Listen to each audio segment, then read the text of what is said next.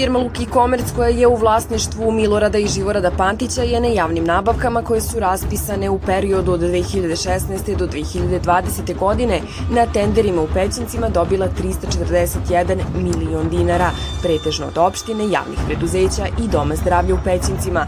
Milorad Pantić je poverenik opštinskog odbora Srpske napredne stranke u Pećincima, dok je njegov brat Živorada aktuelni odbornik SNS-a u ovoj opštini. Luki Komerc je 1989. godine osnovan kao trgovina, ali je firma umeđu vremenu znatno razvila svoju delatnost, pa osim supermarketa, preduzeće po mnogim mestima u Sremu drži salone bele tehnike, stovarišta građevinskog materijala i benzinske pumpe. Luki Komerc posjeduje i farmu koka nosilja i svinja, bavi se proizvodnjom robe široke potrošnje, kora, pakovanja, trikotaža, a ima i sobstvenu autoškolu, rentakar, sportsko-rekreativni centar i štampariju.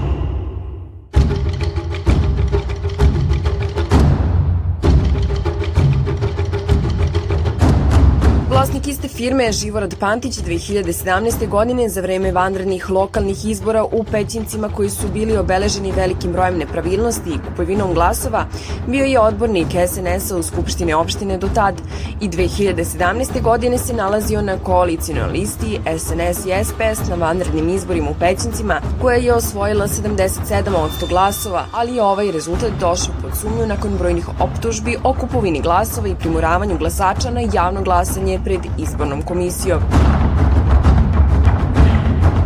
Na listi kandidata Srpske napredne stranke pod koalicijom Aleksandar Vučić za našu decu, odnosno na listi za odbornike Skupštine opštine Pećinci na lokalnim izborima ove godine bio je Živorad Pantić, dok je listu za lokalne izbore podneo Milorad Pantić, njegov brat. Postavlja se pitanje legitimnosti javnih nabavka koje dobija preduzeće čiji vlasnici obavljaju javne funkcije. Iako je Živorad Pantić kontaktiran od strane tima koji je radio na ovom istraživanju, nije želeo da razgovara na ovu temu. Problem javnih nabavki u Srbiji mogu rešiti javnost i kontrola, smatra programski direktor organizacije Transparentnost Srbije Nemanja Nedadić, koji kaže da osim medija, građana i nevladinih organizacija koji prate javne nabavke, zloupotrebu treba da prate i preduzeća koje su oštećena, ali najviše državni organi.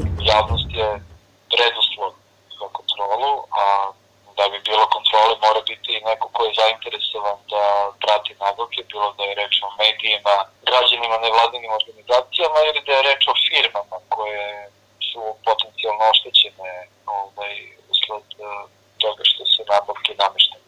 Uh, I naravno državni organi, ali nije realno očekivati da će nabavke na lokalnom nivou da prate u velikoj meri uh, republički organi, već tu bi trebalo da postoje i budžetske inspekcije, e, budžetski inspektori na lokalu i druge službe, ali veoma često je potrebno da ih neko podstakne da bi obavili taj posao, znači da neko prijavlja nepravilnosti pre svega od e, ljudi iz privrede koji najlakše mogu i da ih uče. Koliko građani gube zbog nameštanja javnih nabavki ne zna se jer državni organi redko sprovode kontrolu i redko ko krivično odgovara za takve postupke, navodi Nenadić iz Transparentnosti Srbija. Mi ne znamo ni koliko je takvih nabavki koje su nameštene, to se može uh, sagledati, takve sumnje, da kažemo, uh, su, se mogu veoma dobro argumentovati na osnovu uvide u konkursne dokumentacije, ali pojete o tome da ne znamo, državni organi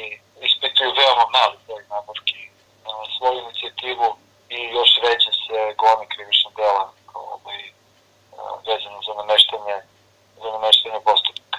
Tako da možemo samo da, da nagađamo o, o tome da li je to 10% ili 5% ili